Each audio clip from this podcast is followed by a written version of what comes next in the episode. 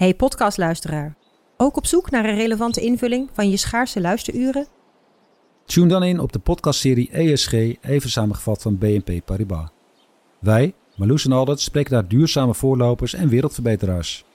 Waarover dan? Nou, bijvoorbeeld of we ooit duurzaam kunnen gaan vliegen. En waarom koeien in de stad nou een goed idee is? Dat en meer elke twee weken in een nieuwe aflevering. Dus abonneer je. ESG, even samengevat.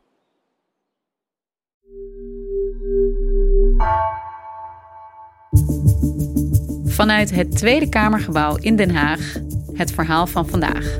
Mijn naam is Floor Boon.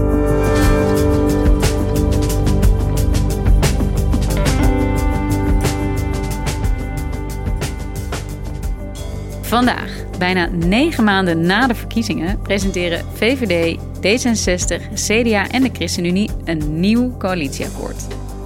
Het vorige kabinet Rutte 3, dat aftrad vanwege de toeslagenaffaire, maakt daarmee een doorstart. En dat terwijl er juist zoveel kritiek op klonk. Chef van de politieke redactie Guus Valk vraagt zich af: hoe nieuw wordt Rutte 4 nou echt?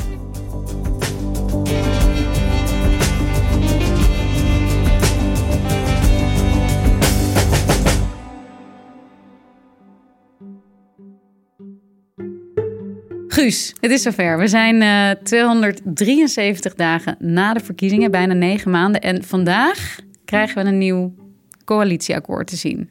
Het is ongelooflijk, maar er gaat dus echt iets komen. Dit is de langste formatie geweest in de Nederlandse geschiedenis. En jij hebt hem al die tijd gevolgd. Met afstand de langste. En um, ook wel de meest ja, opmerkelijke, de raarste kabinetsformatie ooit misschien wel. Hier is echt geschiedenis geschreven in heel veel opzichten. Inderdaad, we hebben hem van begin af aan gevolgd. Maar er is niet echt sprake van één kabinetsformatie. Het is eigenlijk een soort aaneenschakeling van gebeurtenissen, wendingen, plot twists. Het was een uh, rare periode hier. Ja, want nou ja, zoals gezegd, negen maanden. En vervolgens krijgen we Rutte 4 met precies dezelfde partijen als die actief waren in Rutte 3. Ja, er is echt heel veel over gezegd, heel veel over geschreven. Maar kun je ons voor de context nog heel eventjes vertellen... waarom heeft het zo lang geduurd? Ik denk dat het een uh, soort van kettingbotsing effect had, deze kabinetsformatie. De ene gebeurtenis leidde tot de andere. De ene ramp leidde tot de volgende ramp. Na de verkiezingen was duidelijk dat de zittende coalitie een meerderheid behield. Maar doorregeren was niet zo makkelijk. De toeslagenaffaire was in volle hevigheid bezig. D66 had flink gewonnen, de verhoudingen waren veranderd. D66 wilde niet meer met de ChristenUnie. Duidelijk was dat het tijd was voor een nieuwe bestuurscultuur. Dat werd er gezegd. Ja, dat woord hebben we heel vaak gehoord. Ontzettend vaak. En onduidelijk is altijd gebleven wat daar nou precies mee bedoeld wordt. Maar er was op dat moment al sprake van een enorme vertrouwenscrisis tussen burger en overheid. Vlak na de verkiezingen uh, begonnen de eerste informateurs hun gesprekken. Kajsa Ollongren en Annemarie Jorritsma. Toen lekte dat beroemde functie elders document uit. Via over, een fotograaf. Over Pieter Omtzigt. Over Pieter Omtzigt, CDA op dat moment nog. En dat zette de hele formatie op zijn kop. Op dat moment bleek dat in de kabinetsformatie over een individueel Kamerlid was gesproken. Eigenlijk not dan om te doen. Dat leidde weer tot een gigantische vertrouwensbreuk tussen uh, D66, uh, CDA, ChristenUnie en VVD. Die partijen konden eigenlijk niet meer met elkaar verder. En uh, CDA en D66 steunden op dat moment een motie van afkeuring in de Tweede Kamer. Niet een motie van wantrouwen, die door de hele oppositie werd aangenomen. Maar toch een heel duidelijk signaal: met Rutte kunnen wij niet langer verder. Ook de ChristenUnie zonderde zich uiteindelijk af van Rutte. Gert-Jan Segers van de ChristenUnie zei in een weekend: Ik heb er geen vertrouwen meer in dat dit goed komt. Dat wij aan een nieuwe bestuurscultuur, aan een nieuwe verhouding tussen burger en overheid kunnen werken met dezelfde man aan het roer. Dat gaat gewoon niet meer. Nou, op dat moment was Rutte, Rutte 4 met dezelfde partijen gewoon een illusie. Dat kon niet meer. En wat is er daarna gebeurd? Wat hebben ze geprobeerd om toch tot een andere coalitie te komen? Ja, de, de daaropvolgende informateurs, en dat zijn heel wat geweest, uh, die hebben het op allerlei manieren geprobeerd. Ze bleven maar partijen uitnodigen. Een minderheidscoalitie, een buitenparlementaire coalitie werd dan geroepen. Waarbij je dus bewindspersonen aantrekt die niet meteen een verhouding hebben met de fracties in de Tweede Kamer. Ook allemaal niet gelukt. we gaan over links, we gaan dat eens proberen. Nou, dat wilde de VVD niet. D66 wilde dat dolgraag. We zetten daar ook heel hard op in. Maar het was duidelijk dat de VVD samenwerking met en GroenLinks en de Partij van de Arbeid blokkeerde. Um, omdat zij vonden, dan hebben we een, vijfpartijencoalitie met uh, twee linkse partijen erbij. Een, ja, ik zal maar zeggen, centrum-linkse partij als D66 erbij. Dat helpt te ver naar links, dat moeten we niet uh, doen. Die route werd ook afgesloten. En op dat moment was duidelijk, je kunt nog maar twee dingen doen. Een minderheidsregering Nieuwe verkiezingen kan ook nog eventueel, maar dat is dan zeg maar de, de allerlaatste optie. Of gewoon doorgaan op de oude voet. Toen is bij D66 ingedaald het besef als we nog iets willen met deze verkiezingsuitslag, met deze grote winst, ook voor Sigrid Kaag in maart, dan moeten we wel door met de huidige coalitie. En ook de ChristenUnie ging er uiteindelijk met heel veel pijn toch weer mee verder de afgelopen weken lekte er heel af en toe iets uit, mondjesmaat eigenlijk. Wat weten we al van die dingen die zijn uitgelekt? Wat kun je zeggen dat er in het akkoord staat straks? Uh, ik denk dat je een paar grote lijnen al kunt zien. Uh, het eerste is dat uh, het kabinet onderkent dat er een paar hele grote problemen liggen. Die liggen met name op het gebied van ruimte. Uh, dus de toekomst van de landbouw, de krapte op de woningmarkt en het stikstofprobleem. En het ligt op het gebied van klimaat en op het gebied van onderwijs. Dat zijn denk ik drie duidelijke speerpunten in, um, bij dit kabinet. Hun oplossing daarvoor is heel erg veel geld uitgeven. Daar lijkt het nu toch wel heel erg op. Dat betekent dat er allerlei fondsen zijn bedacht waarmee vaak op structurele manier geïnvesteerd wordt in bepaalde sectoren. Denk bijvoorbeeld aan een enorm fonds voor het onderwijs. Uh, om bijvoorbeeld de lerarensalarissen te repareren. Of aan de achterstanden te werken van kinderen. Um, denk ook aan een groot fonds voor de woningmarkt. Denk ook aan een ambitieus stikstofplan. Daar zitten al duidelijk de, de accenten. En dit zijn dingen die uh, redacteuren van mijn Haagse redactie boven tafel hebben gekregen de afgelopen weken. Wat ontzettend moeilijk is, want alle luiken zijn dicht. Uh, maar wat wij daarin zien, de rode lijn is duidelijk dat er uitgegeven gaat worden aan deze drie speerpunten. Ja, en wat jij zegt, geld uh, rolt, is ook een soort smeermiddel. Daar kan iedereen zich in vinden. En de thema's die jij noemt, ja, dat zijn de dingen waar ze het er misschien over eens zijn. En waar uh, met al dat extra geld dus mooie oplossingen voor kunnen worden bedacht. Maar uiteindelijk is dit een coalitie, Rutte 4, met precies dezelfde partijen die we ook al in Rutte 3 hadden. Kun je dan eigenlijk wel op iets heel anders uitkomen? Ik vind het heel moeilijk om in te schatten wat er nou zo nieuw is aan Rutte 4. Um, je zult de komende dagen, ook bij het debat straks over het coalitieakkoord, dat later deze week zal zijn, zul je heel vaak horen de woorden frisse start, nieuw elan, alles wordt anders, nieuwe bestuurscultuur. Maar waaraan moeten wij ophangen dat, uh, dat dingen echt anders worden? Je, je zegt terecht dezelfde partijen, dezelfde namen, dezelfde gezichten. Misschien dat sommige ministersposten door nieuwelingen worden ingevuld.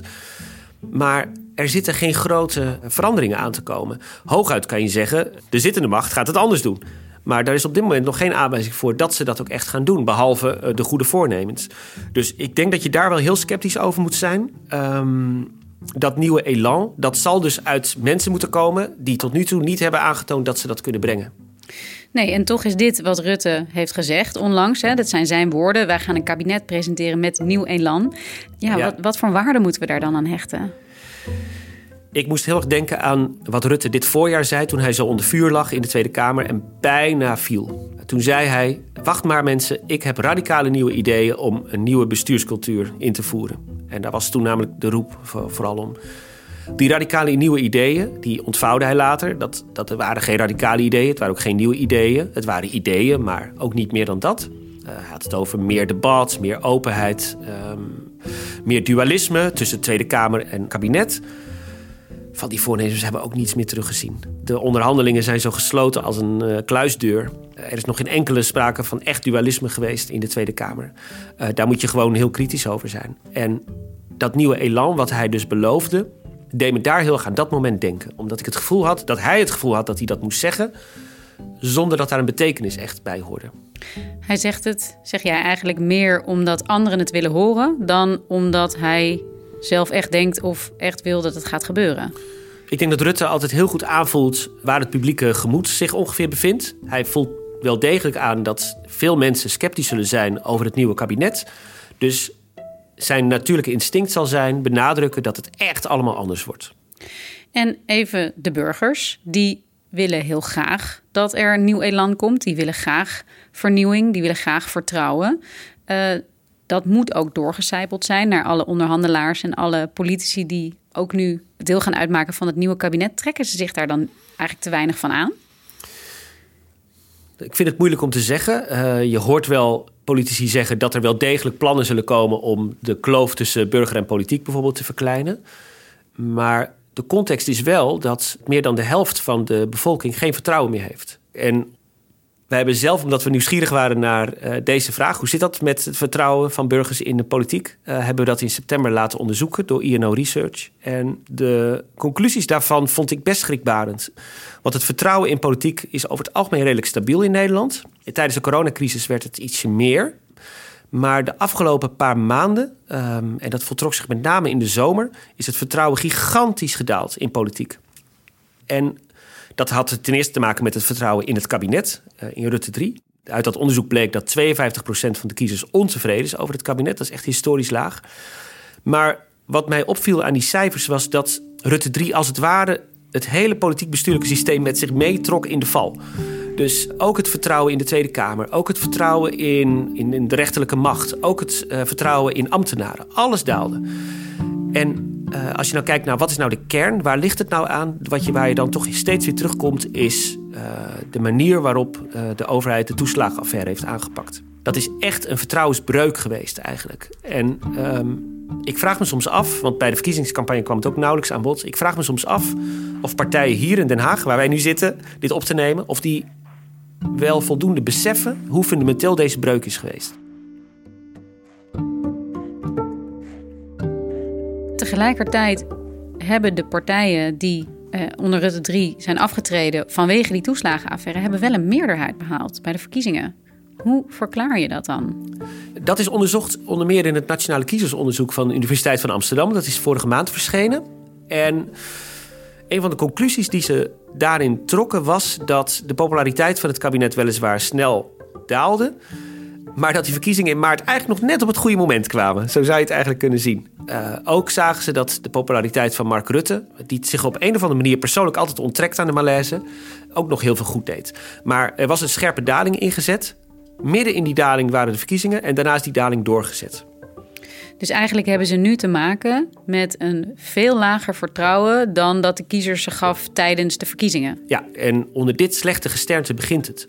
Um, het begint ook onder de gesternte, um, waarin duidelijk zal zijn dat er binnenkort drie parlementaire enquêtes zullen komen, die alle drie gaan over vertrouwen. Uh, vertrouwen tussen burger en overheid. Een enquête over de coronacrisis, een enquête over de toeslagenaffaire en een enquête over de gaswinning in Groningen. Waarbij Groningers het gevoel hebben dat ze falikant in de steek zijn gelaten door de overheid.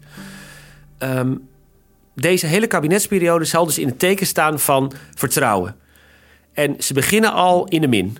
Dus het is een ongelooflijk moeilijke start die dit kabinet maakt. Uh, waarbij ik me ook echt afvraag: ja, maar hoe gaan ze dit dan repareren? Ik zie daar nog niet de aanwijzingen voor.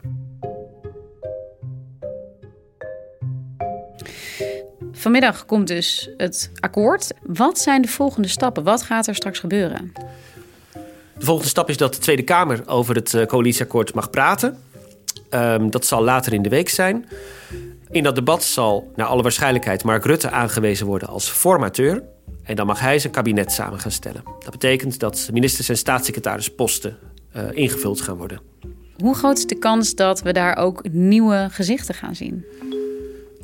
Alle partijen zullen met nieuwe gezichten komen, um, maar er zal ook een hoop continuïteit zijn. En wat je ook zult zien is dat zittende ministers andere posten gaan bekleden. Uh, denk bijvoorbeeld aan Wopke Hoekstra, uh, die nu op financiën zit, maar iets anders zal gaan doen. Wat weten we nog niet. Dus het zal wel meevallen, denk ik, met die nieuwe gezichten. Uh, toch zullen ze ongetwijfeld benadrukken dat ze ook mensen van buiten zullen halen. Uh, en dat moet ook wel, want ze gaan met veel meer, veel meer mensen uiteindelijk in dat kabinet zitten. Maar uh, ik, ik, verwacht niet al te veel nieuwe gezichten, nee. Is het nog wel een aantrekkelijke baan eigenlijk, bewindspersoon in deze tijd?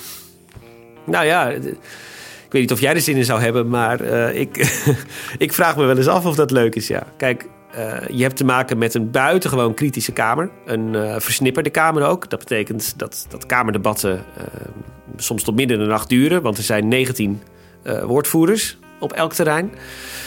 Dat duurt eindeloos. Het is een buitengewoon gepolariseerd klimaat, weet iedereen natuurlijk om zich heen. Met grote maatschappelijke spanningen, met veel bedreigingen, ernstige bedreigingen, waar ministers ook echt en staatssecretarissen echt ontzettend veel last van hebben. Dus het lijkt mij geen leuke tijd om nu bewindspersoon te zijn. Toen de partijleiders maandagavond naar buiten kwamen, toen duidelijk was dat er een akkoord was bereikt, uh, zag ik mensen die nog niet echt met heel groot enthousiasme spraken over wat ze hadden bereikt. Het was een beetje zuinigjes. En CDA-leider Bob Hoekstra die had het zelfs over een tankverlossing. Dat klinkt toch niet echt heel soepel. Nee, je zag ook wel aan die gezichten dat, dat ja, het, het, het zal ook de vermoeidheid zijn. Um, dit zijn echt slopende dagen voor onderhandelaars. Het is ontzettend zwaar om zoveel uren met elkaar te zitten en over zulke gedetailleerde onderwerpen te praten. Ik heb het gevoel dat ze dat, ze dat gevoel ook wel een beetje uitstraalden, ja. Heb jij dus nog een paar tips waar je op kunt letten de komende dagen? Wat zichtbaar zal worden in hoe dit nieuwe kabinet Rutte 4 eruit zal zien? Er zal denk ik in uh, persoonlijke, personele bezetting niet zo heel veel veranderen misschien, maar wel in uh, misschien de accenten die dit kabinet gaat leggen. En bij de afgelopen verkiezingen heeft D66 natuurlijk flink gewonnen. Het wordt heel interessant om te kijken waar D66 ook de accenten heeft weten te leggen, wat ze eigenlijk binnen hebben weten te halen. Ik denk dat je wel kunt zien dat de verhoudingen in Rutte 4 echt anders liggen dan in Rutte 3, met een veel sterker D66. En dat zul je zien in uh, de manier waarop over onderwerpen als onderwijs uh, en klimaat met name zal worden gepraat.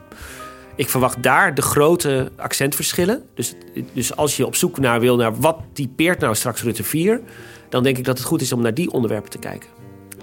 We gaan het uh, meemaken en jullie gaan het heel erg volgen vanuit Den Haag. Dankjewel, Guus. Alsjeblieft. Luister vooral ook zaterdag naar Haagse Zaken, waarin er veel uitgebreider inhoudelijk zal worden ingegaan op wat er in dat nieuwe akkoord staat.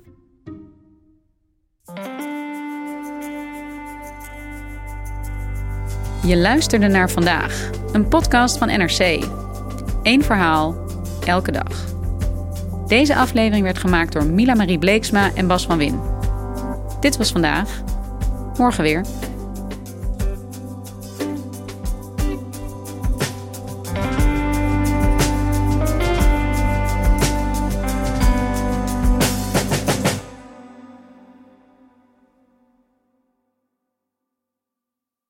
Technologie lijkt tegenwoordig het antwoord op iedere uitdaging. Bij PwC zien we dit anders. Als we de potentie van technologie willen benutten, kunnen we niet zonder een menselijk perspectief. Human-led, tech-powered noemen we dat. Ga naar pwc.nl.